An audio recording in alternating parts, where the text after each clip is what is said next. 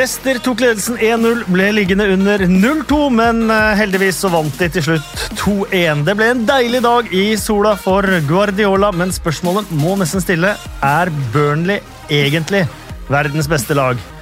Liverpool ble historiske på Stamford Bridge. Phil Jones mer enn hvisket i øret til Ed Woodward. Eden Hazard ble noe overraskende hyllet av hjemmefansen til Chelsea.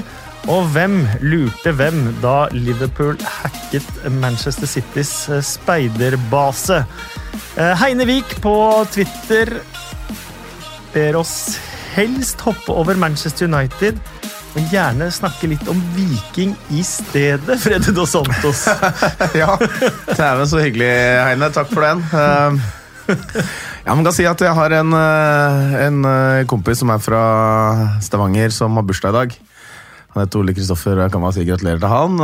Vi, vi er såpass rause i, i, Oslo at vi, at vi rett og slett uh, sørget for at han fikk en uh, helt nydelig blå uh, sin blåfarge mandag. Ellers så er ikke det så mye å snakke om, men jeg skal heller Du skal heller slakte Manchester United? Ja, det kan jeg, godt, kan jeg, godt, gjøre. det er altså Med fotball er deilig, det er følelser. da. Det er, vondt på, det er på godt og vondt. Og akkurat nå, med blått Vålerenga-hjerte, ganske vondt. Sikkert noen røde Manchester United-hjerter som har det vondt nå, Espen? Det er det helt sikkert. Det er andre tunge blå hjerter i hovedstaden nå. Kjelsås der. Rakner nå. Tapte for Alta i går. To strake tap nå. Blir ikke noe opprykk, da. Blir ikke det. Nei.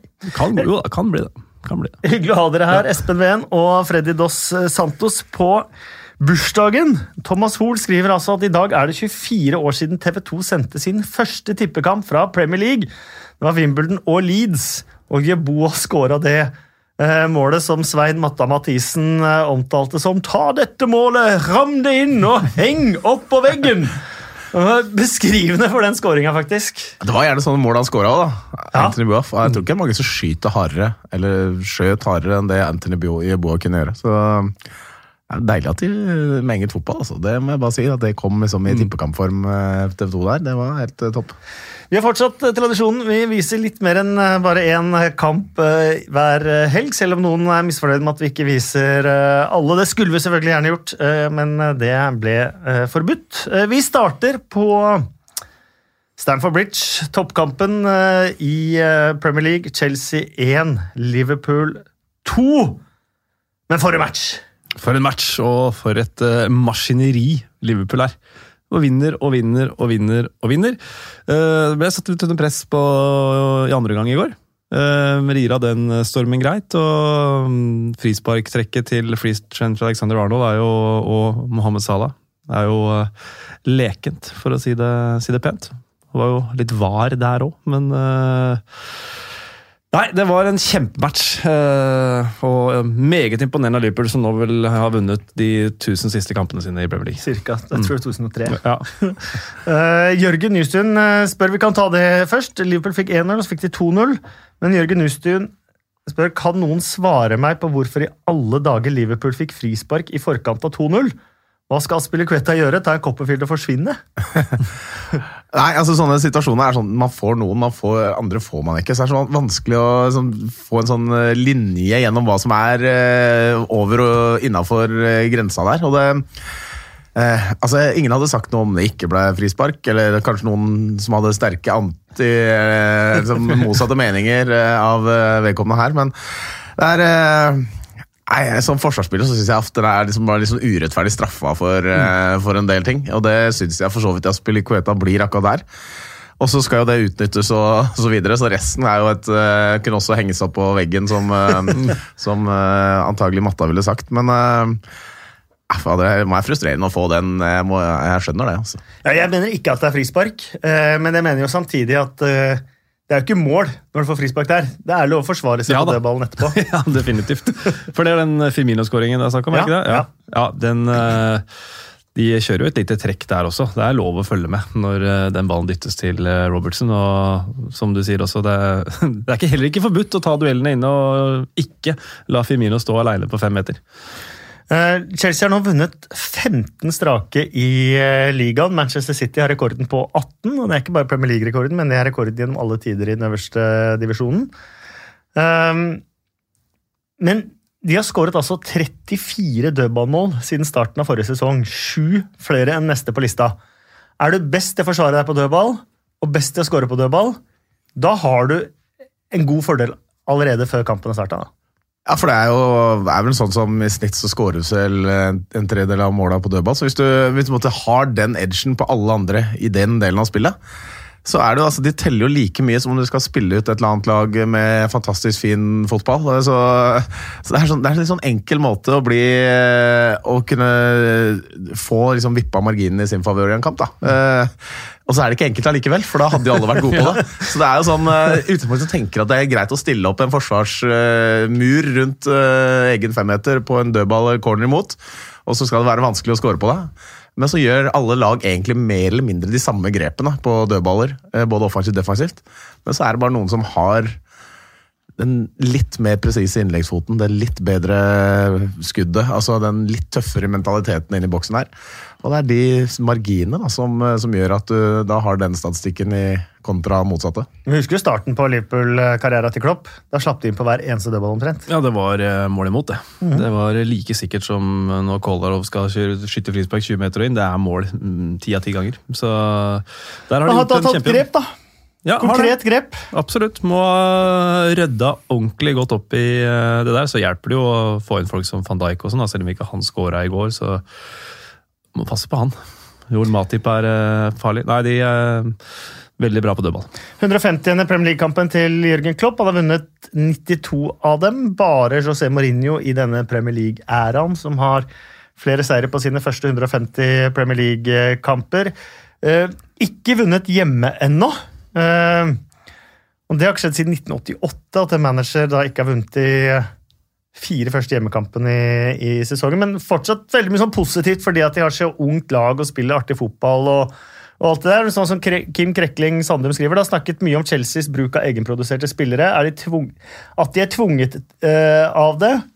Uh, men kampen mot Liverpool viste vel nok en gang at rosen ikke er ufortjent. Men, vil det være nok til en, men hva eh, vil være nok til en godkjent sesong til slutt? For Chelsea. Mm. Jeg tror du sa Klopp, skjønner du. Ikke har vunnet hjemme ennå. Han har vunnet hjemme. Han har vunnet, jeg, jeg, jeg, jeg satt og tenkte Ja, vet Ja, ikke, ja. Nei, jeg, sa, jeg mente Lampard. Og det skjønte Ja. jeg. Eh, bare tilfelle noen der ute Ja. trodde at vi snakka om Klopp nå, så er det Lampard, selvfølgelig. Uh, hva var spørsmålet igjen? Nei, det er jo, De får masse ros. De er tvunget til å bruke unge spillere, men de får masse ros for bruken, uh, bruken av det. og Det gjør jo at selv om poengmessig kanskje litt stusslig start, Mm. så, så er det fortsatt en sånn positiv eh, vibe rundt de da. Ja, Men var være godkjent til slutt? ja, taper, eh, taper hjemme og blir applaudert av eh, banen av egne supportere. Det, eh, det er godt å ta med seg for Frank Lampard. Jeg eh, I og med at eh, Manchester United er i den forfatningen de er, og Arsenal de mm, trykker jo på self-destruct-knappen, og så klarte de å gjenopplive det i går, riktignok, men kommer sikkert tilbake til det. Så tror jeg faktisk Chelsea har en mulighet på topp fire. De har, ja, mulighet har de selvfølgelig, men eh, jeg tror de ender topp seks, i hvert fall. Det, det tror jeg det, det er godkjent. til slutt. Det er god, og det vil være godkjent, tenker jeg, i den eh, sesongen her. Kanskje ligacuptrofé eller et eller annet sånt. Og så har man jo alltid hørt om dette akademiet til Chelsea, hvor de har en veldig sånn altså Den politikken de kjører, er jo egentlig litt sånn man egentlig ikke ønsker det skal være. At de skal sope opp alle talenter for å så leie de ut og drive business med sin egentlig talentmodell, som veldig mange klubber gjør. Da er det veldig deilig synes jeg da, å se at det faktisk er noen som kommer opp gjennom systemet og, og får spilletid og blir satsa på og gjør det bra.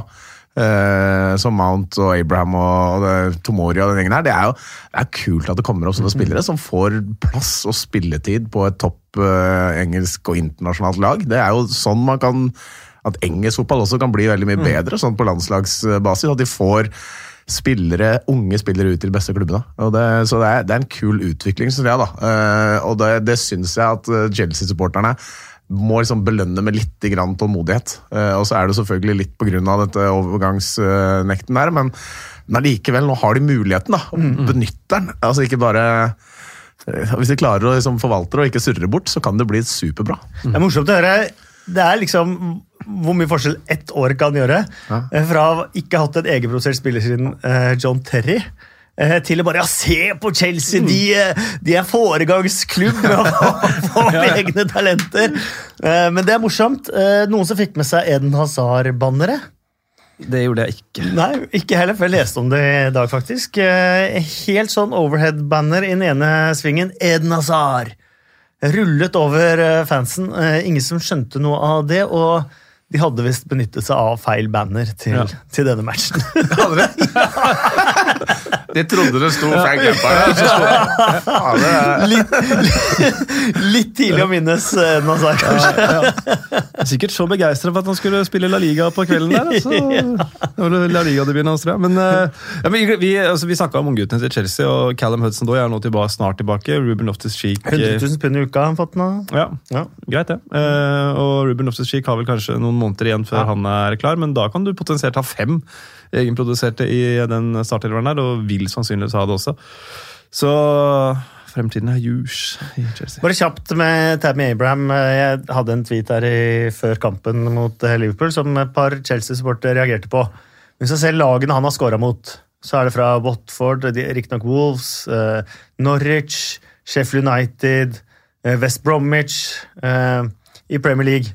Han har til gode å vise at han kan score i toppkampen. Han bør gjøre det før folk begynner å stille det spørsmålet jeg stilte. Ja, for det begynner å stilles nå. Det, og Lukaku ble aldri kvitt det stempelet i England. Uh, Skåra jo sitt første Milano-derby nå, så han har klart å komme bra i gang der nede. Men, eh, men jeg tenkte på det når Abraham kom alene med Adrian der. Den her eh, bør sitte. Det gjorde den ikke. Og hva er neste toppkamp for Chelsea? Det har jeg ikke i huet, men eh, Ikke er det. nei. Han bør skåre, av. Ja.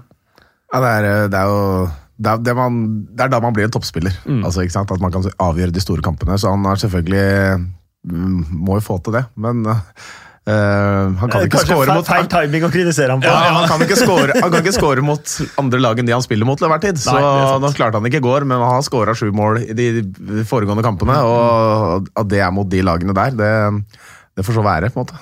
Det Ja, nå tenkte jeg litt også på Swansea-recorden hans, også, hvor han skåra fem, og det var liksom mot klubber med championship-klang, da. For han har jo bøtta inn mål i championship. Mm. nei, vi går videre. Eh, Manchester City 8, Watford 0. Eh, det var en oppvisning. Ja. Ja, hvor skal man begynne?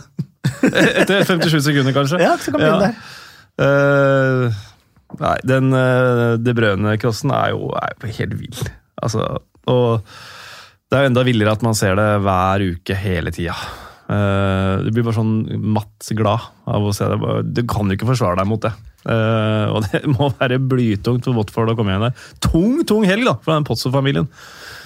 De, ja. Jeg merker at det fokuset ditt eh, sklir mer over på liksom dette internasjonale Ja, det var målshow i går, vet du. Så Ja, det jeg merker. Ja, Ja. ja veldig der. Eh, Nei, men det, det er, Watford er veldig internasjonale, da. Ja, det er det. Manchester City også. Eh, men var det, er det ikke, var det ikke rekord da, med antall mål eh, før 18 minutter var spilt, eller eh, Jo, eh, det var en ordentlig rekord, og ikke sånn latskapsrekord, som jeg kaller disse Premier League-rekordene. Eh, Oi, vi slipper å sjekke lenger tilbake enn Ja. til 92. Eh, da kaller vi det rekord, Ja. og så sier vi at det opp gjennom Premier League-historien, gjennom alle tider i Premier League-historien, de dusteste rekordene jeg vet om, men dette her var faktisk en etterkrigsrekord. Det er en bedre måte. Ja. Før krigen så var det ikke alle kamper hvor man førte tidspunkt for uh, skåringer, så det er vanskeligere. Mm. Men etterkrigsrekord var det. Og hvis man hadde brukt eh, noen minutter til på å finne ut det, så kunne man kalt det for det istedenfor en Premier League-rekord. Det er bra. Det er, du må kjempe den her. Dette er kampsaken her. Den skal være din for alltid, Kasper. Og den skal,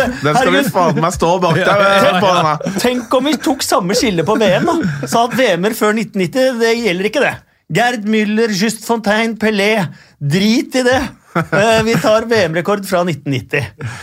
Jeg er enig med deg. Eh, Men altså Vi skal ta utgangspunkt i den kampen. Hva gjør du som eh, Du har lagt en plan som Watford-trener altså, Du er helt Altså, fersk manager òg. Ja, liksom. Du har, du har lagt en plan å sitte inne og overbevise spillerne om at dette her Altså, disse er gode, greit nok, men dette Følg denne planen, så skal vi faktisk hente igjen poenget her. Og så går det 57 sekunder, og så går det 7 minutter og 12 minutter og 15 ah, Jeg husker ikke alt det var, men og så, eh, Hva gjør du? Du står der og liksom har du, ha, hva, hva kan du komme tilbake med? Kan du overbevise om neste gang eller i pausen om at det, ah, det, var, det var bare en liten tweak, sorry. Eller, det går jo ikke an. Du har jo gjort akkurat det du har mest tro på. Og så, ja. Ja, jeg hørte på Talksport. eh, Der var det en tidligere Manchester City-spiller som jeg har glemt navnet på nå. Han mente at dette var en sackable offense fra Kikki Sanchez eh, Flores allerede i andre kamp. Jeg vet ikke den kampplanen du snakker om, Freddy. Der tror jeg det, der må det ha stått Ok, gutter, ikke under noen omstendighet skal dere la Kevin De Bruyne slå innlegg fra rundt hjørnet av 16. Det må ikke skje. Da blir det mål. 57 sekunder. Men se på, hvis, man ser på, hvis vi skal ta den skåringa, se på den plassen alle får i forkant av det innlegget. Både Bernardo Silva, Riyad Mahrez, alle som holder på i oppbyggingen til det angrepet, har altså en radius på over fem meter rundt seg med ball hele veien. Så godt hende at Kiki Sanchez Flores ikke hadde det. Nei, han har, nok, han har nok også altså, prøvd å si at uh, det, vi må være førsteforsvarere i denne Ja. kampen. her, for Hvis ikke er det, så, så blir det tøft. Så jeg tror liksom han det var ikke punk, eller Planen hans ble ikke fullt til punkt og prikke. Det, det, det vil jeg ikke tro. Men eh, er for en, altså, tenk liksom om du sitter på benken her, sånn Pereira som blir bytta inn etter halvtime. Og sånn. Det det er gøy. Åh, det er, jeg husker jeg var sånn, jeg spilte mot Viking, det var- det Skeid for lenge siden. Vi lå under 5-0 til pause. Jeg kom inn, aldri spilt venstreback før. Skulle spille venstreback foran publikumssida på gamle Viking stadion mot Gunnar Aase. Som hadde hatt så lekser første gang. Jeg, bare, jeg prøvde liksom å gjemme meg bak cornerflagget på oppvarminga i pausen, her, så ikke, så ikke treneren så meg, men måtte nå inn og spille likevel. Og det er den følelsen jeg tror Pereira hadde der. Altså, han kom inn og bare åh, jeg har lyst til dette. Det er, det er tung. Eh, heldigvis så var det trøbbel på motorveien M6 på vei opp til eh, Manchester, så en god del bortefans eh, slapp å få med seg de fem første måla. Fikk bare sett tre, tre baklengs. Det er kult å komme inn der og da bare Akkurat, ja. 05, ja. Uh, Jakob Berge spør på Twitter hva tenker dere er den beste angrepstrio-kombinasjonen til Manchester City. Aguero er vel bankers, men Bernardo og Stirling leverer jevnt målpoeng, og Maris har fått en meget god start. Skal jeg ta med for min del, da, hvis Leroy Sané hadde vært skadefri? Altså, det er jo Det er skyts. altså, ja, du kan liksom hive inn altså, Den blir ikke veldig veldig svekka ved Gabriel Jesus der oppe heller. Som spissen til, til eh, Brasil. Så å ha han som backup, det er jo det er helt ok. Så hvem er best, da? Jeg, er Jeg liker Stirling Sané, Aguero må jeg innrømme. Også Bernardo kanskje inn i den treeren på midten. Ja, Sammen med De Bruyne, og så bare en sånn eh, som skal piske alle rundt eh, bak der i Fernandinho. Ja. Ja, jeg vil jo ha David Silva på banen i sin siste sesong, så jeg går for Aguero, Stirling, Bernardo Silva som front tre. Av eh, de akkurat nå. Eh, Da ligner du kanskje mest på, eh, på Pep Guardiola. Du, vi må snakke om den Ja, eh, nyheten. var det sånn hår... I, I din prioritering det virker som det er hans, foretru, hans foretrukne tre også til, til toppkampene, også når Sané er skadefri. Eh, Vi må ta, ta den nyheten som kom fra The Times eh, uka som var, at Liverpool skal ha hacket seg inn i Manchester Citys speiderdatabase. Eh, og har eh, betalt et forlikssum til Manchester City etter det, og så har det kommet ut eh, nå. Um, I en periode hvor Liverpool uh, signerte Mario Balotelli, Lazar Markovic og Havi Mankio eh, Når du putter det på den måten der, så bare tok meg hele skandalen egentlig bare en farse. Eh, Så det var uh, Visste Manchester City kanskje at de var hacka av Liverpool? Det kan jo virke sånn. Altså, 11 er greit, det. Eh, vi bare legger et lokk på dette her, vi. Det- alle, alle, ingen, ingen er tjent med at dette her kommer ut. Så, men hvis dere bare sånn tilfelle kommer ut, så har dere i hvert fall betalt oss nå. Balotelli er fin der. Eh, vi tenkte, tenkte vel ikke å hacke seg inn i speidernettverket for, å- for å hente han. Men det er jo eh, Hva skal man si at det er eh, det er, så, det er så rart at det bare kan gå liksom litt sånn under radaren. Og at eh, hvis, altså, det, er jo det er jo egentlig en veldig stor skandale. At man eh, som klubb Det er jo utrolig mye penger og alt involvert. Det er jo grenser opp mot altså, økonomisk svindel og alt sånt på sånne ting. Det er jo Eh, og så har det liksom bare blåst litt bort, da, at de klubbene bare kunne enes om et forlik uten at noen har innrømma skyld. Eller, altså det, hva har dette vært, egentlig? Jeg klarer ikke å skjønne hele eh, sånn bakteppet her. Og så tenker jeg proporsjoner da, Han, uh, Bielsa, altså, han som som Bielsa sendte til å se på treninga til Derby, det var krise! det. Ja, det var krise. Sånn gjør vi ikke i England! Nei, det, det må dere bare lære når dere kommer hit til England. Sånn gjør vi ikke. Men ja, hacke andre ting, det får bare ja, litt sånn et lite forlik der. Ja, men det de endte opp da. Uh, jeg har min, mis jeg har min mistanke om at Manchester City driver og lurer konkurrentene sine hele tiden. Eh, og at de kanskje gjorde det nå. At de pressa prisen på Fred, pressa prisen på Maguire. Sanchez. Eh, pressa prisen ikke minst på Alexis eh, Sanchez. Og sørge for at eh, Markovic, Mankio og de andre havna i Liverpool. Altså, vi har eh, Alltid ett steg foran. Altså det, det som er eh, Vi har, vi har sånn kortspill som alltid pleide å spilles rundt alle norske eliteserieklubber. Sånn i Garden som heter liksom Bondebridge. da. Og Der er det en sånn regelbok, og den eneste for at man ikke skal liksom gjøre allianser eller prøve å jukse, eller noe, eller noe sånne ting, så er liksom ene altså, store hovedmantra er 'play for yourself and you will need no help'. Og det er litt sånn her også. altså Gjør jobben din, ikke driv og spioner på Ja. de andre. Altså på å hacke andre. Hvis du gjør jobben din sjøl, så trenger du ikke de andre greiene, for da gjør du en proff jobb. Det er 'play for yourself and you will need no help'. Det er eh, mantraet mitt i dette. Eh, På Emirates så dro Aston eh, Villa til eh, bortemøte med Arsenal. For meg så var dette nesten eh, Ikke nesten, for meg så var dette den kuleste kampen i, eh, i eh, helga. Eh, Aston Villa leverte strålende eh, 11 mot eh, 11. Eh, Kanskje ikke så rart, i og med at Dean Smith skrev sin eh, prolisensavhandling om Unai Emeries eh, Valencia. Ja. Så han eh, burde vite godt hva som eh, møtte han. Så ble Maitland Niles utvist, og så våkna Arsenal gitt og vant 3-2 til, eh, til slutt. Og Arsenal er jo eneste lag eh, i nyere tid som har vunnet flere kamper enn de har tapt med én spiller utvist. Eh, og de fikk jo en spiller utvist på 0-1 nå òg. Ender opp med å vinne 3-2. Den utvisninga til eh, Maitland Nice, det er jo et kinderegg av gjøgleri, da. Har gult kort, kaster seg inn der, får det gule, nytt gult, blir skada, og så klarer han også å kjefte på dommeren på vei ut. Da, da ikke, Du skal ut allikevel, men altså, ja, samme det. Eh, så den syns jeg var, var morsom. Eh, hva skal jeg si om Arsenal? De ble vel bua av banen i, eh, i første omgang. og Så vel noe på Twitter nå med noen som mente at det var helt skandaløst av Arsenal-supporterne. Noe jeg henger fullstendig med på. Eh, For så får de det comebacket i, eh, i andre omgang. Arsenal er jo helt umulig å bli kloke på.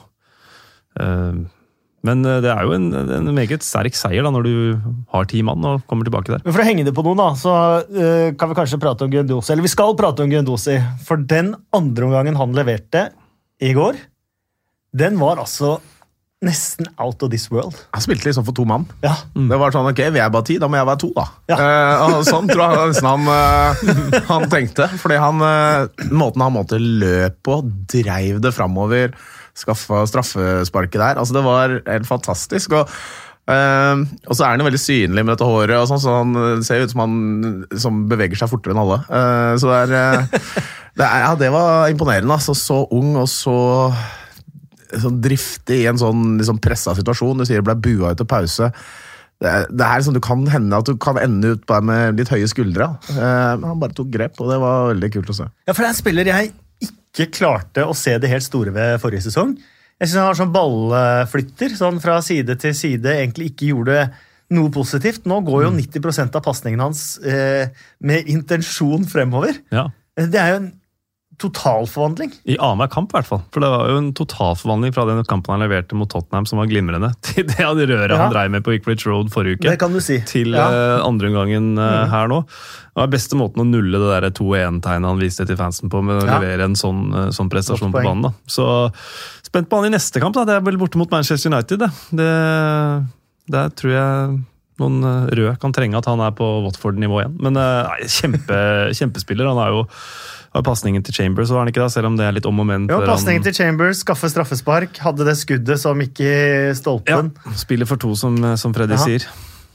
Jeg synes jo det offensive slagkraften til Arsenal er jo nesten på linje med de aller største klubbene. og Det sier de jo selv også, en del av spillerne. at Nå har vi en trio foran der som er like god som Liverpool sin eller City sin. da.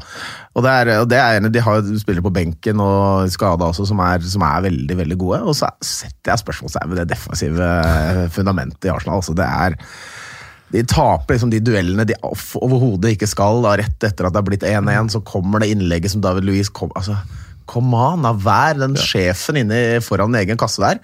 Du har, han er så stor og sterk, og han burde liksom bare meid unna den ballen. Eh, Og det er, det er litt der jeg syns Arsenal eh, strever vel så mye, eh, kontra de andre. da. Snakka om i stad at de, Liverpool har tatt grep på å få inn spillere i de riktige posisjonene. Arsenal har gjort det offensivt, men defensivt så har de ikke har Tenk liksom de som ikke- henta van Dijk. Ja, ikke sant? Ja. Hadde de henta van Dijk, så hadde det vært sett helt annerledes ut. ikke sant? Og det, de trenger noe sånt. Det er ikke det at van Dijk vokser på trær rundt om i, eh, rundt i Europa, som en eh, er Europas beste spiller, da. altså. ja, så, Men noe i nærheten, i hvert fall. Eh, ja, for bare å underbygge det, så Aubameyang har 38 mål på sine 55 første Arsenal-kamper. Ari hadde 31. Wright hadde 28. Eh, bare to sekunder om det der frisparket også, for det syns jeg er eh, morsomt. Eh, 3-2-målet til Aubameyang. Eh, frispark fra 18-19 eh, meter. Og Du som har spilt fotball òg, du har ikke vært keeper, riktignok. Men de to som løper hver sin vei foran keeperen rett før han skyter, det ser så forvirrende ut. Jeg tror det er derfor heaten ikke får opp armene. Ja, altså, jeg tenkte på det, jeg satt og så på det, og så prøvde jeg å skr scrolle litt fram og tilbake. Hvor er det han satte opp muren? Liksom, jeg tenkte, ja, han stelte seg midt i. Han liksom ga seg, bare, ga seg ikke en sjanse til å redde i noe hjørne, følte jeg. Men da kanskje han ble forvirra, for han tar liksom et skritt Ja. til sida der, og de kanskje bevegelsene var såpass lure. det, at det, er, for du skal ha ko- konse på ballen, og så plutselig løper det to stykker hver sin vei foran deg. Og så er det liksom, hva i all verden? Vi er tross alt bare mennesker, alle sammen. Også Premier League-keepere, liksom. Ja, det var, eh, det var lurt trekk, men eh, ja, det var, ja, fader så deilig det må ha vært å sette den i 85. eller når det var rundt der. Mm. ja, fy flate, det, det var sterkt. Eh, Danny Nordiassen, apropos det defensive. Han skrev dette før Aston Villa-kampen. Eh, to kamper, to smultringer med Chambers i forsvaret. Burde ikke Chambers få en mulighet i ligaen med tanke på det vaklete paret Sokratis-Louis? Og han kom jo inn, eh, og både scora og var god. Callum Chambers var eh, et av eh, ytterst få lyspunkter på Fulham forrige sesong. Da spilte han riktignok mest midtbane, men eh, jeg ser ingen grunn til at ikke han Det kan fort være han og Rob Holding som blir midtstopperpar eh, etter hvert, men eh, Unai Emery har tro på David Lewis. Det hadde jeg jo når de kjøpte han. Jeg trodde det var et godt kjøp. Det er Så feil kan man ta.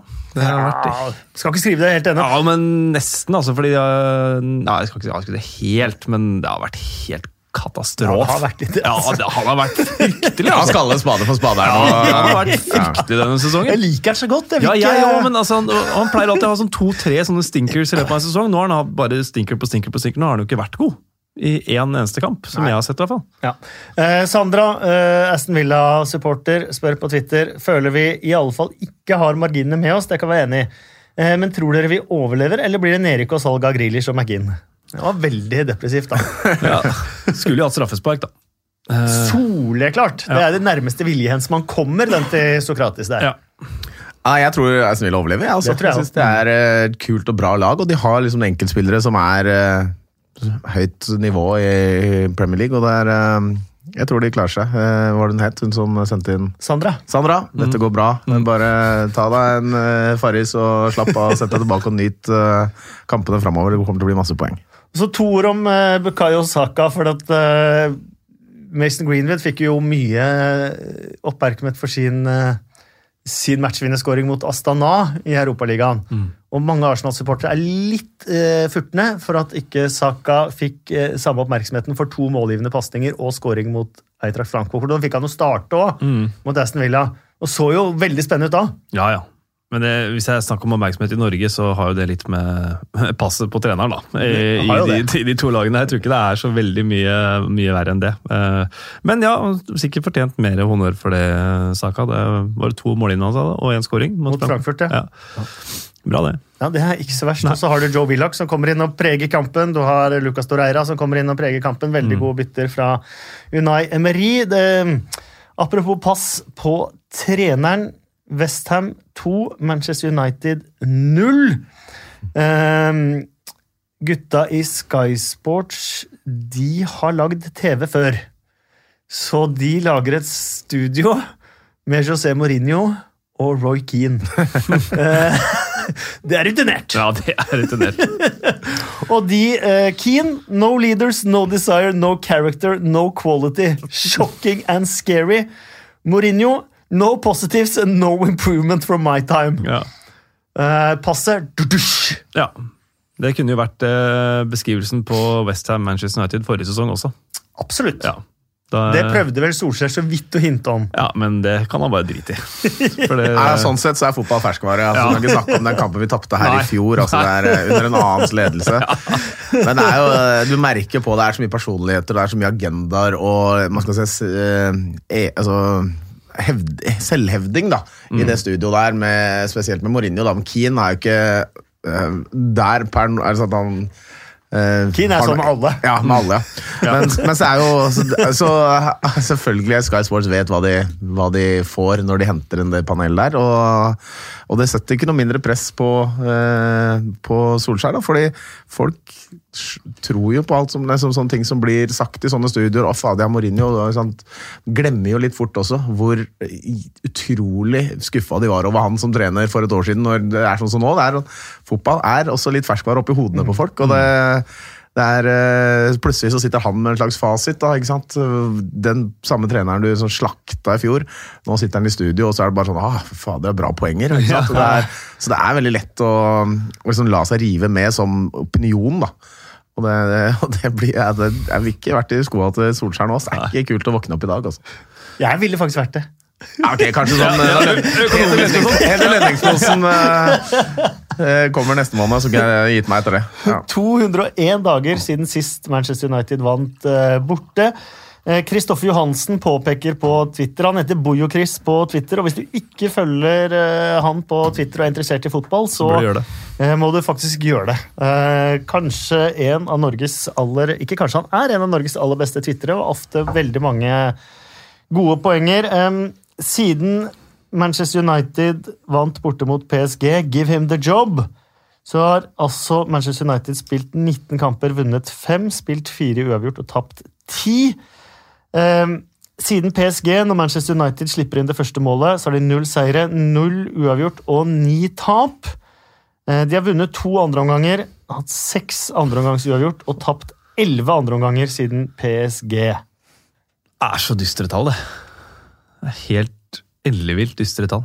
Ja, Man kunne sikkert fortsatt. Det er det verste ja, ja, ja, alt med dystre tall. antageligvis. Nei, det, er, det, er, det var det Roy Keane sa. No leaders, no desire, no hunger.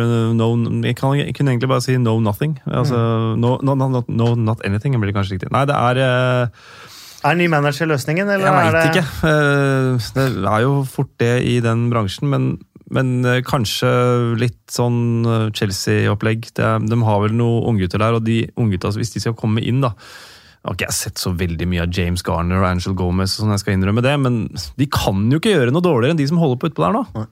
Matic er ferdig, altså. Sånn som han fremstår nå, for eksempel. Og så har de da Rashford måtte ut med skade. Martial er ute. Pogba er ute. Luke Shaw er ute. Eh, Du som gammel fotballspiller, Freddy. Det ble jo sagt om Solskjærs oppkjøring at ja, den var kanskje litt eh, gammeldags. Det var trent mye på fysikk. Um, og de, men de skulle være bedre trent enn noen gang. Men så handler jo bedre trent eller bra trent om at spillere er skadefri òg.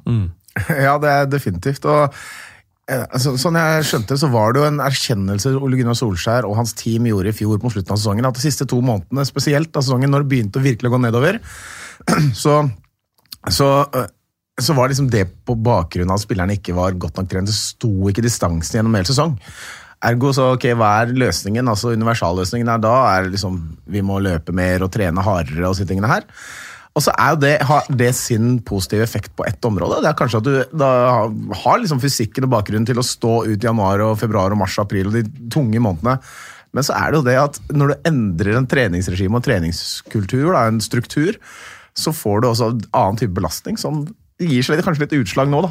At du får disse strekkskadene, overbelastningsskadene som for du må klare å absorbere den treningen også. Eh, Jeg så du snakka om at det hadde økt eh, dosene på antall treninger, men også intensiteten i hver trening var økt. altså Jeg vet ikke helt hvordan de måler dette, men 50% i preseason eh, treningene. At liksom de øker voldsomt på intensitet på treninger. Det vil strengt tatt si at du har mer intense treninger, og færre av de der litt sånn rolige, hvor du eh, måtte bare kan kose deg litt på trening og kanskje trene sånn taktiske ting. Så har han prioritert fysikk. Og det er eh, eh, liksom litt sjansespill, men eh, og kanskje det vil betale seg i en lengre lengde, hvis, hvis spillerne kommer opp på et høyere nivå og kan trene mer. men Eh, Men nå betaler han virkelig for det, for nå ser det ut til at du bare tynnes ut i rekkene, og det er sentrale spillere òg. Så ja, fader, det er, det er litt sjansespill, altså. Eh, Vi må ha to ord om Westham òg. Levere en eh,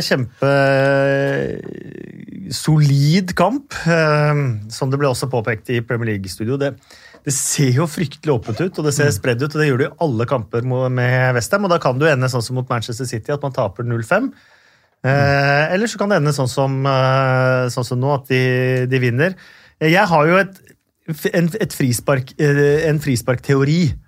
Og det er at du må la samme skytteren få et par, tre, fire forsøk, selv om han misser på første eller andre. Veldig mange lag så er det sånn 'Å, du missa forrige, da tar jeg'. Å, du misset forrige, da tar jeg. Eh, Men det å skyte seg inn, har ikke det en effekt, Freddy? Se Cresswell blåse første frispark over, får ny sjanse fem minutter etterpå. Cresswell, du tar den igjen. Da banker han inn i krysset. altså. Ja, altså Jeg har også troa på det. At liksom som det jeg tror også at Hvis du vet at jeg har dette forsøket, og så, og så det, går det over til nestemann, da får du ikke den roen rundt det heller. Eh, og det tror jeg som de som skyter disse frisparkene, trenger litt. At ok, eh, den her blåste jeg, den gikk en meter over eller utafor. Men altså, det, det er bare lille justeringa. Den skal jeg sette neste gang, men det får du ikke tid til når du bare har ett forsøk. Så eh, ja, jeg også syns det er bra utgangspunkt. Da, at du liksom, dette, her er, dette her er min oppgave i laget. Dette her er, og det tar deg også litt til, eh, til det sånn på trening så at du føler litt ansvar for det. Står og øver litt ekstra, gjør alle disse tingene. For dette her er, nå skal jeg være tungen på vektskåla. en ting, Og det tror jeg er litt sånn selvtillitsbyggende også. At eh, du får mer troa på det. Eh, Og så kom vi ikke utenom det Adrian Moen Hjartnes eh, tvitrer. Jeg vet ikke om dere har sett eh, videoen, det vil jeg anta at dere har. De som ikke har sett den, kan gå inn på TV2s Twitter-konto, så jeg faktisk også, og se det bildet som ble fanget opp på tribunen. For det ser jo ut som Phil Jones, som ikke er i troppen, men som sitter på tribunen. og eh, Eh, og, og, sitter bak eh, styreleder i eller hva er det han er, technical director, eller hva han er i Manchester United. Ed Ja, Woodward. an- ansvaret, i hvert fall. Han har i hvert fall alt ansvaret. Mm, Og så mumler Phil Jones uh, 'sacked in the morning'. Og Woodward snur seg og bare 'we're on camera'. Stopp. Åh, det, det bildet der på ting, det er ikke Det tror jeg blir tema i, i neste spillersamtale med, med Phil Jones. Altså det, for det, det var ikke pent. Så. Hadde jeg vært manager, så hadde jeg bare juniorlag ferdig. Hvis det er det han sier, da. Hvis det er det han sier. Ja. Ja, det, det er forbehold, da. Det er jo noen leppelesere sikkert der han ute som kan tolke tygger noe voldsomt på tyggingen Men det ser da virkelig ut som det er det han sier. Det ser vitterlig ut som det er det han, eh, det han sier. Eh, Så det Nei. Uh, Ja, kunne kanskje sparka frisøren sin nå, da. Han Phil Jones. Det var kanskje det han tenkte på. Han sitter der med bearnés i tuppa. Eh, ja, det mener jeg, altså. Det, Kanskje det var det at han ser seg selv på storskjermen der. Ja, så ja, ja. «Åh, ja, sagt Ja, frisøren ja. second morning, ass. Dette her går ikke. Nei, men, Der har du unnskyldningen din, Phil, hvis du hører på. Um, på King Power Stadium så tok Leicester ledelsen 1-0. Uh, chalked off var, så tok Tottenham ledelsen 1-0. Den sto, så tok Tottenham ledelsen 2-0. Uh, da kom VAR igjen. Den var marginal på Young Min Son, og så ble det i stedet 1-1, og så skåra Madison 2-1. Og Leicester vant 2-1 mot uh, Tottenham. Leicester som har en sånn topp fire eller topp seks-ambisjon. da. Eh, med to muligheter. Først mot Manchester United, da tapte de. Så mot Tottenham, så du ut som de skulle tape igjen. Det hadde vært to blåste muligheter. I stedet så, så vinner de. Eh, Tottenham har ikke vunnet borte i Premier League siden 20. januar. Da Harry Winks ble eh, matchvinner helt på overtid. ennå. Jeg måtte sitte og tenke, og så ble jeg den, for jeg syntes det virka så lenge siden at jeg tenkte at det var sesongen før der igjen. jeg. Eh, Leicester med gode bytter, inn med Pratt og Chaudhry, snudde matchen på mange måter. Eh, Og James Madison, selvfølgelig, som da ikke fikk minutter for England, mye diskutert, viste fram seg til en meget god børskarakter og matchvinnerskåring fra utafor feltet. Men det man sitter igjen med å diskutere, det er jo VAR etter denne her. Eh, Hvor mye var sånn i offside i oppbyggingen? Ut ifra strekene så kan vi tippe en halv centimeter, kanskje. Noe sånt. Ja, altså jeg bare Jeg syns jo Jeg blir, jeg blir så lei av det greiene der. At eh, sånne marginale ting skal bli Fordi, fordi til og med jeg bare leste et eller annet sted nå hvor det var Hva er feilmarginen på VAR? For det er jo ikke sånn at uh, når du viser en, eh, en situasjon på TV, så har du jo sånne at hvis du skal kutte ned til akkurat til ett Frame by frame, frame, liksom, by ja. frame så, så er det en viss feilmargin. Så det kan ha vært riktig, og det kan ha vært feil. Mm. Eh, og den feilmarginen den må man bare ta på alvor. Eh, og da er det jo sånn Skal man liksom bestemme det ene, neste gang så kanskje det blir det andre. Eh, og så er det helt altså, Jeg skjønner jo at det er nesten umulig for VAR også.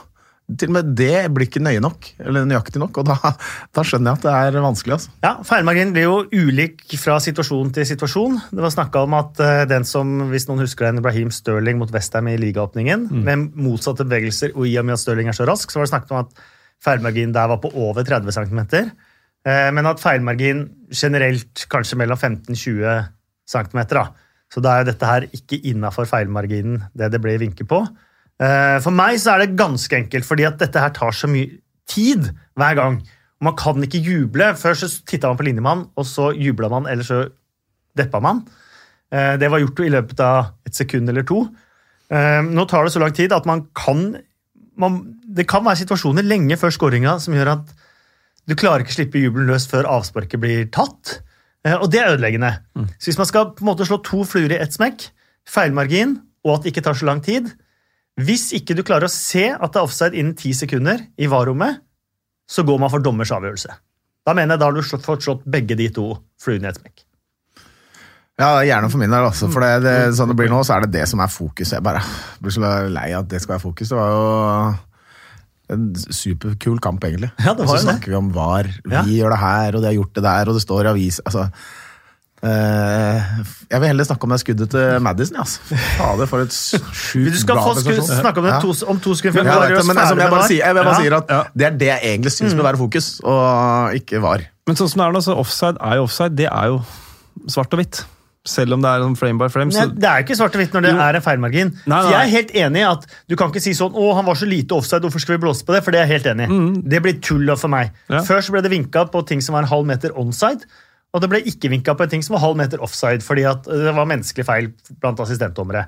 Så det er helt enig i det. Ja. Men jeg mener at når det blir så marginalt at du ikke klarer å se det etter et minutt eller to med streker og prikking ned fra armhule og alt annet, da mener jeg gå for dommers avgjørelse. ja, eller spørsmålet om å gjøre noe med å tilpasse offside-regelverket til VAR. Da, noe som jeg har fått, Ja, igjen.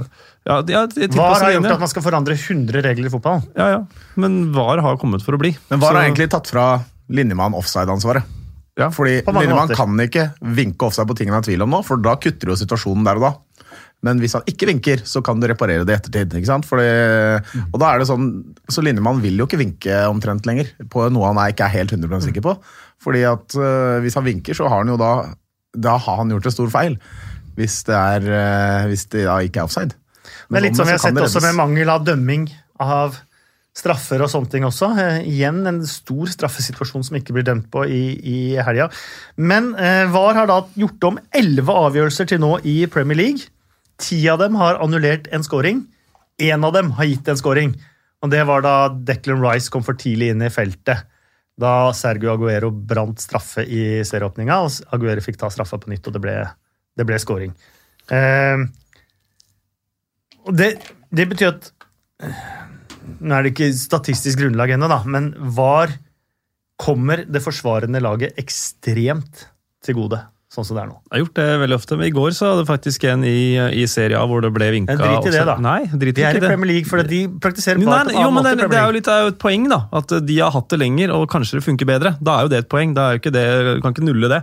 Eh, Da ble det en uh, scoring på en retur, hvor eh, dommer, assistentdommer vinker for offside. Sjekker var. Han var onside. Bang, mål. Ikke sant? Ja. Så det er jo ikke De har jo holdt på med det lenger der nede. Og det funker jo tilsynelatende bedre. Så kanskje England skal se dit, da. Til, til Spania og sånn. Ja, jeg er faktisk uenig i det. Jeg synes, eh, Hvis man hadde klart å ta de åpenbare, da, som David Silva-straffen, eh, Sabesten Aller-straffen, Tilemanns rød kort eh, Hvis man hadde klart å ta de helt åpenbare, så mener jeg eh, Premier League på mange måter har gått den riktige veien. da, Og ikke bruke skjermen. At man, uh, man heller stoler på hverandre i kommunikasjonen. Men da må du også klare å ta de, de åpenbare. fordi at VAR skal jo ta clear and obvious. Du skal jo ta det åpenbare. Eh, når du bruker skjermen, så blir det å dømme en situasjon er det straffe eller ikke. Det blir en helt annen ting enn å ta det åpenbare. Uh, så Sånn sett syns jeg Premier League har på mange måter gått den riktige veien, men ikke fått med seg de helt største avgjørelsene, og det er dumt. Ja, men så, i, I La Liga og Serie denne helga her, så var det situasjoner hvor dommerne bruker 15 sekunder, sprinter bort til skjermen. Et bilde, greit. Men da har de jo dømt på en situasjon. Ja, Det er noe annet enn å omgjøre noe som er eh, åpenbart. Skjønner du hva jeg mener? nei. Nei. Eh, fordi at eh, Mange kan si at f.eks. Joshua King skulle hatt straffe Mm. mot Southampton. Ikke sant? Men det er ikke så åpenbart. Jeg vil, vil si at Det er ikke en så åpenbar situasjon at det er en åpenbar feil av dommer å ikke dømme straffe. Men hvis du går og ser på en skjerm der, så dømmer du konkret på situasjonen. Uh, uten hensyn til om ting er ja, her, åpenbart her, åpenbart feil eller ikke. her var det ikke dømt. Da. Det var- var et mål som man Ja, skjønner, skulle jeg bli annullert. Altså. Ja. Så viser det seg å være hens uh, på angripende spiller. Og da løper dommeren bort, sjekker, greit. Så det er, det, men det er jo en annen regel, det er jo det er ikke offside. Men, eh, Nei, men allikevel, ja. jeg, jeg, jeg liker intensjonen til Premier League. Vi snakka med Bob Madley før sesongstart her. Eh, Ja, men, jeg er men, men de får det jo ikke til. Nei, men det, ja, Vi får håpe at det går seg til. Uansett, eh, gjennomsnittstid for de avgjørelsene eh, som er tatt med VAR, er 1 minutt og 18 sekunder. Mm, det er lenge. Det er lenge. Mm. Eh, snakk om matchvinnerskåringen til James Madison. da. Åh. ja, ja, fader, det var eh, Men eh, altså Jeg syns Leicester er et veldig kult lag å se på. Ja. Det, er, det, er liksom, det er så mye punch og passion i de, der, i de gutta der, og det gjelder alt fra eh, Fra Tielemanns til Madison. Altså, og Madison, han er eh, han er 22 år, liksom. Så jeg, føler, jeg, jeg føler samtidig at jeg har hørt ham veldig lenge. At han liksom har Det er spilt fordi du kjenner meg. Ja, ikke sant?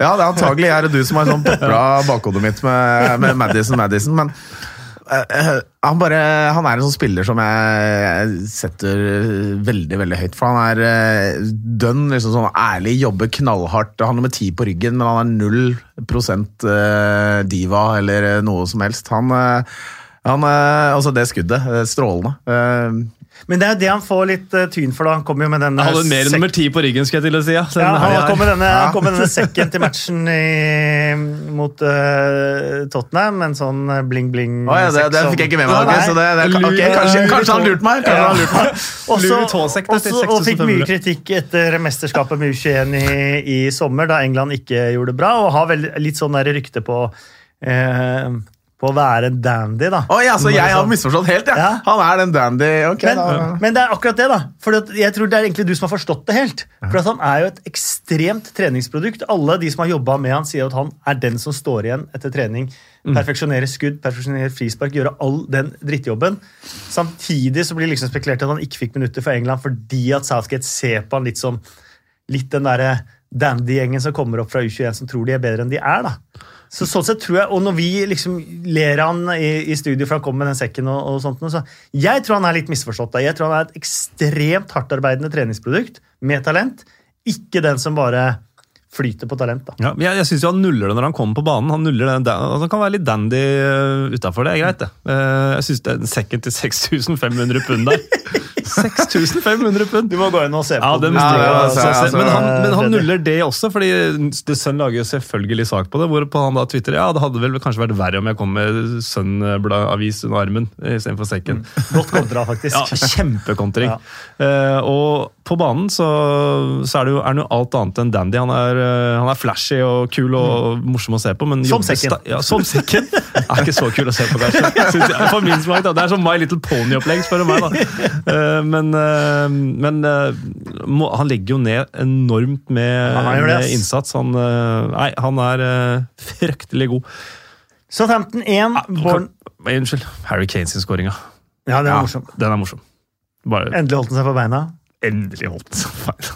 Og han har lett for å falle der, da, i de situasjonene. Det har Madison også. Madison har, har absolutt det. Mm. En jævlig fin passing fra Lamela fram der. Altså, Ja. Ja, og det til, hælsparket til sånn òg. ja, ja, det var sånn mye som stemte eh, samtidig der. Det var, eh, fordi han kunne liksom, Lamela kunne spilt eh, Harry Kane på den veggen til så venter han inn, spiller neste bevegelse, og Harry Kane fosser jo videre. ikke sant? Det er ikke noe Du ser at han har lyst til å skåre mål. da. Han er bare, ok, Jeg fikk ikke den pasningen der vi har visst, men det var ikke sånn her, fader, kom igjen, liksom. Han bare beiner videre. og det er... blir målet sånt. Ja, det gjør det. Eh, Tottenham eh, hadde eh, i mine bøker fortjent å vinne denne matchen. Tottenham har gitt bort fem poeng etter å ha leda denne sesongen. 19 siden starten av forrige sesong. Kun Southampton er verre. Og da kan vi snakke om Southampton, for de tapte 1-3 Sørkystderbyet mot Bournemouth. De er ikke så lett å bli kloke på, de, eh, de heller. Nå mangla det vel Ikke han- Bournemouth heller. Nei, nei, nei, for all del ikke. Men det er med mer positivt fortegn. Ja. Uh, Bournemouth uh, hadde mangla de vel han uh, Genepo til den kampen her, uh, Southampton. Uh, og uh, Kan vi ikke heller bare snakke om Bournemouth? da? Det er mye morsommere. Jo, vi kan snakke om eh, kardinalfeil fra Alan Shearer i eh, Match of the Day-studio. Eh, som hadde ringa rundt Joshua King eh, foran skåringen til Harry Wilson, med Callum Wilson over. Når, Harry, nei, når, når Joshua King setter opp uh, 2-0-skåringa.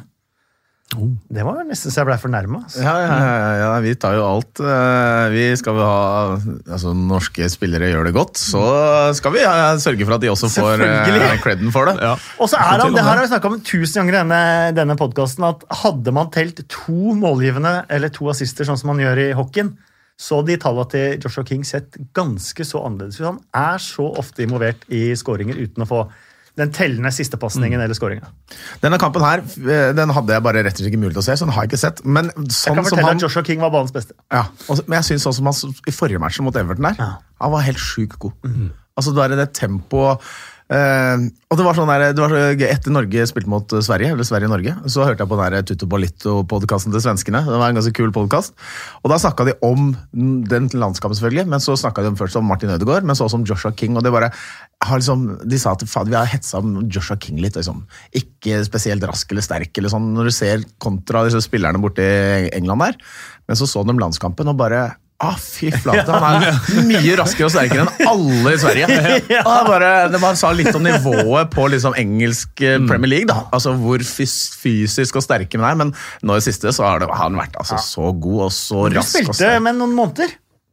Hva du sier? Du spilte med noen måneder. Nei, jeg? Med han? Ja, Nei. Gjorde du ikke det? Nei. Var ikke han oppe og trente med avstallen til, eh, til Vålerenga som 15-16 år? Ja, men da var ikke jeg Vålerenga. vet du. Var du ikke det? Når han var 15, og når han gikk av? 99, var ikke? Han gikk? 99 Nei, når, han, nei, når gikk han da? 2008? 7? Nei, å ja, nei. Nå tok jeg helt feil. Eh, eh, jeg mente to, ti, ti år etter. Ja. Jeg tror jeg er 32. Vet du. Eh, ja, det er kanskje han var med litt. Altså. Det må jeg ærlig innrømme at det, det husker jeg ikke. Nei, jeg husker det godt. Ja. Jeg så han i en sånn juniorfinale mot Lyn på Voldsløkka. Da var Jo Inge Berge, Harmet Singh, eh, Mats Dam Alle de, de var jo eh, 20. Han var 15. Eh, kom inn på de siste 20 minuttene. Ja. Nei, det det kan godt Men da være. Altså. mener jeg at han var med A-laget noen måneder før han eh, dro til, eh, til Manchester. Men åkke som!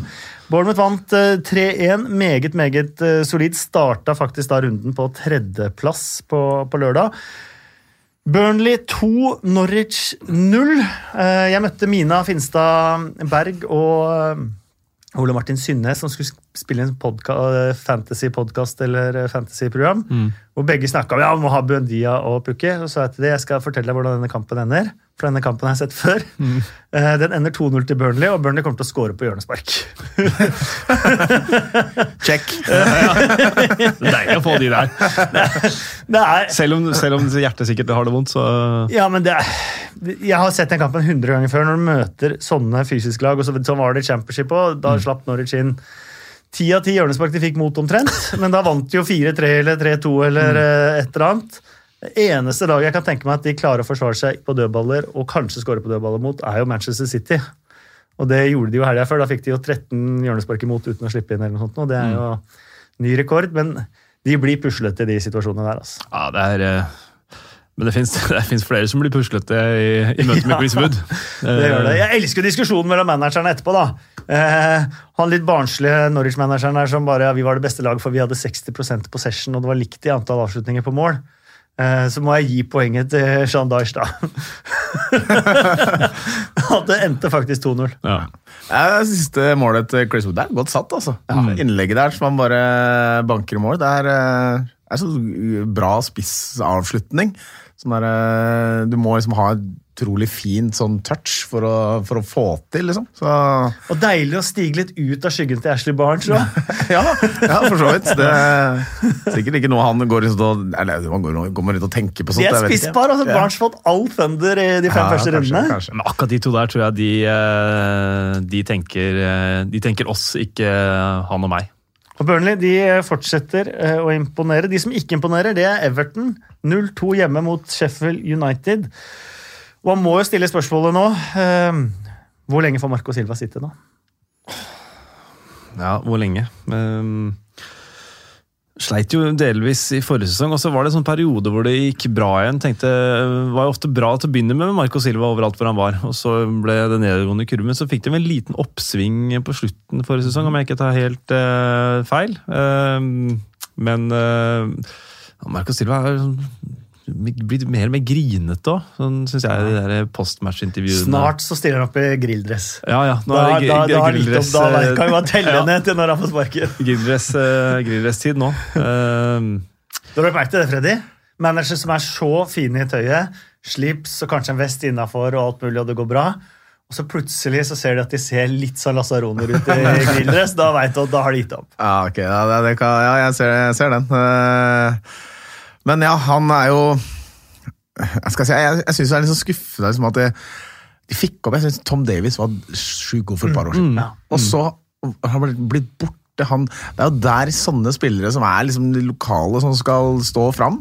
At jeg synes Everton har svikta litt og henta inn det som ofte blir litt sånne leiesoldater i, i, rundt om, og som sikkert er gode spillere, men du må ha litt den der passion innenfra også. Det Everton har bomma litt der, syns jeg, på å ikke forvalte de spillerne. da. Eh, Nå sitter jo Calvert Lewin på benken, og Tom Davies og får noen minutter her og der, men jeg vet ikke, jeg synes jeg savner liksom derre Uh, altså Everton-sjela, på en måte. At de kommer litt fram. Nå er det litt for mye overalt, egentlig. fikk Roberto Martinez sparken i sin tid, eller ga han seg for å ta over Belgia? Hvordan var det? Han fikk sparken. Ja, Ja. Og han er litt, Marco Silva er litt samme manager, selvfølgelig. ja bare Roberto Martinez er litt bedre, da. Det kan være. Ja, det kan vir- være. virker sånn. Ronald Koman fikk jo i hvert fall sparken. Kanskje han skulle fått litt uh, mer tid. Kanskje de skulle kjøpt noe annet enn bare nummer ti den sommeren og, og sånne ting. Uh, nei, jeg, Everton er i ferd med å bli eh, Manchester United. Sheffield United de eh, imponerer i hvert fall på Sheffield United-vis. To skåringer med én avslutning på mål. Ja, det er gøy! Ja. Det er kjempegøy. Altså, De spiller på akkurat det de kan, liksom. Så det er jo Det er bra. De, de vet at dette blir... Chris Wilder har for øvrig bursdag i dag. Gratulerer. Si Gratulerer med dagen. Ja, eh, altså de, hva skal jeg si, de, de, de har, eh, de har begrensa med verktøy i redskapsskjulet sitt, men de bruker de veldig godt. da. Ekstremt godt. Ja. Det må man si. Eh, rundens kjedeligste kamp, Newcastle-Brighton. Eh, men Andy Carroll tilbake. Ja, og det var gøy. Det var stort, syns jeg. Altså. Kjempefint eh, øyeblikk. Og så fikk jeg se noen noe bilder i går som vi egentlig skulle ha med på en liste, men jeg tror ikke vi fikk det med, så jeg kan ta det her nå. Fordi når han kommer inn, så får de et hjørnespark med en gang. Så ser du tydelig at Andy Carroll står og peker sånn. Skal han hardt Ja, det kommenterte jeg når jeg Ja, kommenterte kampen. Ja. Den, eh, og i den høyden her. Hva skjer? Ja, ja. Lang Med snø på. Ja, med snø på. Oh. Et minutt etterpå, nytt innlegg. Så er ut av St. James' Park, ran- lander i, uh, i elva utafor der. Uh, Så når du har han, da, så, så bør du kanskje høre på han og slå de innleggene sånn som han vil ha dem. Men det er jo sånn som når du har ekstremferdighet i laget, så må du spille de Ja. gode. Altså, Newcastle har, har, har jo noen av de ekstreme ferdighetene, men ikke voldsomt i forhold til alle- andre lag. Eh, Og når de har den, så, og han kommer på banen, så må du i hvert fall prøve å utnytte det. Og det tar kanskje litt tid før eh, hele det systemet har fanga opp hvordan de skal gjøre akkurat det. da. Jeg synes Det er helt sjukt å se et lag på hjemmebane som forsvarer seg som man skulle tenke seg at Watford gjorde borte mot Manchester City. Mm. Og med på en måte mange og Dette har Rafa Benitez også snakka om, da var Newcastle-manager borte mot Manchester City. At det gjelder å være med i kampen til det er 10-15 minutter igjen, og så kanskje gå for et vinnermål. Og når du heter Newcastle gjør det på hjemmebane mot en motstander som Brighton Ja. Da er det kanskje ikke så rart at det er en del tomme seter på St. James' Park. Kjemperedninga Fabian Scheer, forresten. Den, eh, Ja, den er fantastisk. Den er, eh, den er ganske vill, Ja. altså. Eh, Brighton har vunnet én av sine 15 siste ligakamper. Eh, Ja, vi lar det bli med det. Ja. Crystal Palace 1, Wolverhampton 1. Eh, Det så lenge ut til å gå mot en Palace-seier, men Wolverhampton sikra poenget godt inn i overtiden. Eh, 100 Premier League-mål for Palace under Hodgson. Eh, Det har Palace aldri gjort med en, eh, en og samme manager. Pardew fikk 97. Det tror jeg er første gang for Hodgson. jeg. Ja. Gøy at det ble et sjølmål, da. Gøy at det ble sjølmål. Eh, Litt passe, sånn passe Hodgson-mål, egentlig. Ja, Wolves klart best i første omgang. Palace tidlig ledelsen i andre omgang. Men hva skjer med Benteke og Wilfried Saha der når det er 15 sekunder igjen av overtiden? Eh, Da prøver man kanskje først og fremst å la tida gå, eller? Eller skal man prøve liksom å kontre inn og drible litt og, og få 2-0?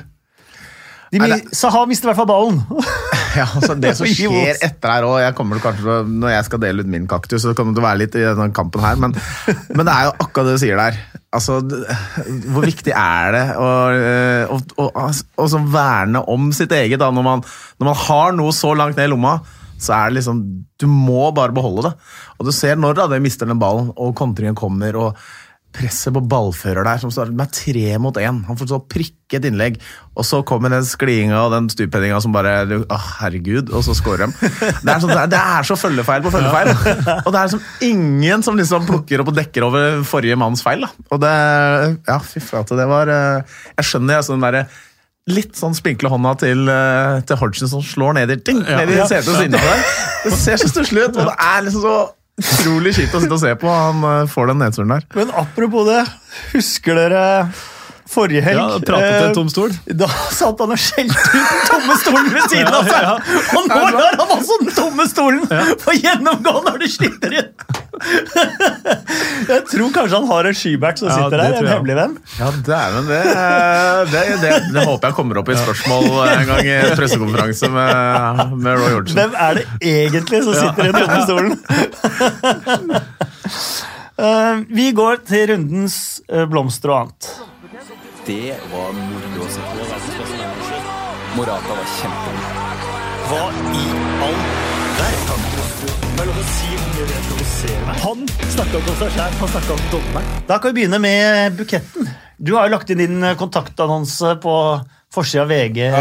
Freddy, så jeg vet ikke om det er mye blomster involvert i ditt liv. Nei, altså nå er det jo altså Jeg regner jo med at det ligger liksom undertøy og sånn slengt på vinduet mitt og i postkassa mi når jeg kommer hjem og sånt, men eh, eh, Ja, takk skal du ha for at du minnet på det. Så ble jeg, nå ble jeg ble jeg varmt her. Eh, Nei, buketten altså i dag altså Jeg skal uh, til en jeg, Min bukett da, den går til en spiller som bare ja, Det var så gøy, det var så fint mål han scora, og så var det en sånn nydelig feiring, for han bare løp hjem igjen. Uh, og det var Kanté. For, altså, for en utrolig kul spiller, og for en god spiller, og for en avslutning på en som ikke scorer fryktelig med mål. men bare tenke på det hele tatt, Der er det sju Liverpool-spillere rett foran meg. Jeg bare løper rett gjennom de, jeg. Og så skyter jeg den i krysset. Og så går den i krysset, så bruker jeg ikke ett sekund på å liksom si Yay! jeg bare, jeg bare løper hjem igjen og gjør meg klar. Og så fikk han sånn liten sånn kos Ja. helt på slutten. Det var så veldig koselig. Ja, ja. Det var et veldig fint, eh, fint øyeblikk. Eh, Han er, hva, heter han stopperen igjen, som, eh, som kosen der? Det, uansett, han er dobbelt så stor som Kanté. Fikk liksom en, sånn pappa som kom og, Ja. eh, og kosen der. Han er altså verdens fineste fotballspiller, Ngolo Kanté, og antageligvis har hvert vært det, men er det antageligvis ennå verdens beste i sin posisjon. Han er Premier League-mester med to ulike klubber, og han er verdensmester. Ja. Og Verdens fineste. Verdens fineste. Får all mulig blomster herfra, og den tror jeg vi er enige om.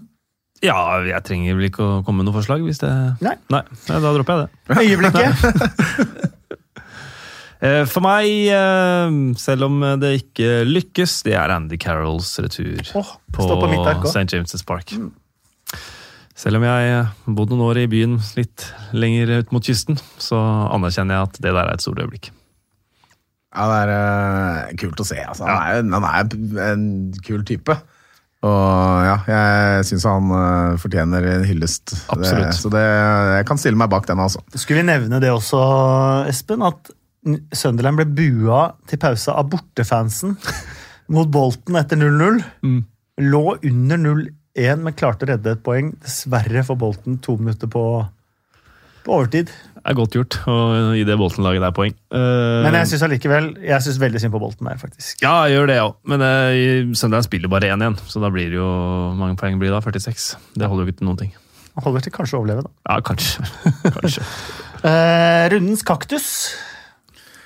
Ja, Jeg var innom det. altså Jeg var på eh, Crystal Palace-gjengen, eh, kollektiv. Men når du ser eh, hvem som slår innlegget der for eh, Wolves Jeg husker ikke hvem det var i farta, men i hvert fall eh, Yota, som, eh, som ender med å score. Men når du ser det presset det er, altså, altså på overtid og overtid omtrent, og så kommer en motstander opp, det nærmer seg litt sånn der eh, De Bruyne-hold på innlegg, da. Altså er ikke nødvendigvis samme effekt alltid av det når ikke er De Bruyne, men så er det tre spillere fra Crystal Palace der. Du har akkurat sett at de to klønene på topp har mista ballen i en helt unødvendig posisjon. og så altså er det liksom, det er så labert press på ballfører for å stå og prikke den inn. Akkurat som perfekt buer som over, og så skjer jo det uheldige som er der. Som høyrebekk så kan jeg jo skjønne at av og til så kløner man det til, men men det er Åh, det var så tafatt. Så jeg, min kaktus fra meg går til som hele venstresida til Crystal Palace og van Anholt og hele bøtteballetten der ute. i, Ja. Kanskje Hodgson helst gir den til Stolen. stolen. Kaktus og stol, det er urettferdig, men ok, da. Ja. Ja. jeg har, eh, jeg har Sokratis, jeg. Ja. Stor, sterk, eh, tøff. Ikke så stor, sterk og tøff når han er mellom beina på Wesley. Han sitter, Jeg vet ikke om dere har sett den situasjonen? Ja, den er fin! Hvor han, Den er faktisk veldig fin. hvor han sitter der, og så, så slår uh, Det blir dårlig podkast, men Wesley slår seg på låra. Og da er det en eller annen synergieffekt som gjør at eh, Sokrates får kjempevondt i hodet og kaster seg ned. Og, bare, ah, ah, ah. og det er da samme Sokrates som eh, tidligere i matchen går bort og klager på det røde kortet Ainsley Maitland Nights får, og burde ha laga straffespark imot. Jeg synes det, det er kaktusbasert, altså, det han driver med i går. Veldig Sokrates. godt kaktusinnspill, det òg, faktisk. Filming, dust, klaging, skulle ha laga straffespark. Ja, han er skikkelig eh, kaktusfyr. Så er det kanskje noen som vil inn til Phil Jones. Jo. Eller frisøren hans, ville jeg gitt til. Berne. Ja. Eh, Men det er fordi jeg ikke har hår. Men jeg det syns- bare... jeg syns Sokrates-innspillet var veldig godt. Ja. Takk. Eh, Vi er vel innpå. Sokrates. Ukjente helt. eh, Da vil jeg kanskje også gå på Palace. Joel Ward. Eh, Hva var det jeg sa, Freddy? Ja, du må gå til Palace ja, når du skal ha det. Ja, er det er ikke ofte han preger Nei. kamper offensivt. Nei, også, han, Jeg syns han skal få den fordi han Og han hadde veldig sånn nedfølende sånn Ja. ansiktsuttrykk. Ja, ja, ja. jo ikke Eh. Han fikk jo ikke scoring, fikk jo ikke scoring liksom. Nei, han gjorde ikke Nei. det. Det ble selvmål. Det. Det ble selvmål, det. Eh, han jubla som om det var scoring. Jeg, jeg støtter ukjent helt til Joel Ward, eh, som jo uh, mista plassen til ukjent uh, Van Bissaka, og nå har blitt ukjent sjøl. Ja. Ja. Altså, jeg, jeg hadde en gang, for å dra parallelt til min egen, jeg, hadde, jeg spilte tre år i Molde, hadde null mål. Men på ett tidspunkt så fikk jeg ballen etter en corner ut på 30 meter, og jeg brant til, var borte mot Sogndal. Jeg fløy inn nettmaskene. altså jeg bare, Det var eneste målet. Jeg bare løp, liksom. 1-0-scoring, ikke sant? Og så Dagen etter, altså alt sto sånn, dagen etter, omgjort fordi den varen her, den tjukke magen til Andreas Lund, Han snidda innom drakta, så ble hans mål. Så jeg har veldig sympati med Joel Ward her, at han ikke sånn, ble ikke hans mål. Sånn det er, ja. Så jeg, ja, er ukjent helt for meg òg.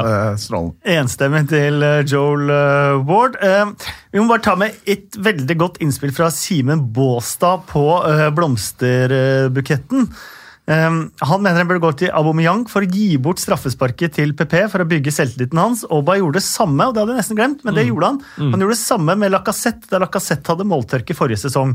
Eh, og, og Lacassette fikk sitt uh, hat trick. For en lagspiller! Det burde Aubameyang faktisk hylles herfra til månen for. Helt enig. Lagspiller. Det er ikke ofte du finner så notoriske toppskårere som er Også lagspillere. også lagspillere. Det er en veldig eh, sympatisk kombinasjon. Eh, Bill Edgar. Arsenals syv siste. Aldri skjedd! Første gang siden er den sjette spilleren. Fun factsene til Bill Edgar. Er mannen som eh, driver med statistikk i The Times. Han driver ikke bare med sånne latskapsstatistikk som rekorder fra 92. Um, Han eh, deler eh, sitt rare hode med alle sine lesere i eh, i bilaget The Game hver mandag i The Times. Eh, Ja, expected wow-faktor er Det er ikke enorm denne gangen, faktisk. Så ikke ha for store forventninger. Eh, Manchester City har nå vunnet med alle sifre fra 1 til 9 uten å slippe inn i løpet av 2019. Det syns jeg er ganske eh, wow, altså. Ja. 1-0 mot Leicester, 2-0 Cardiff, 3-0 Wolves, 4-0 Brighton, 5-0 Burnley, 6-0 Chelsea, 7-0 Schalke, 8-0 Watford, 9-0 Burton. Ja. Det er imponerende. Hvem får tieren? Ja. ja, hvem Åh. fortjener? Bare se på terminlista deres Ja. utover. Norwich.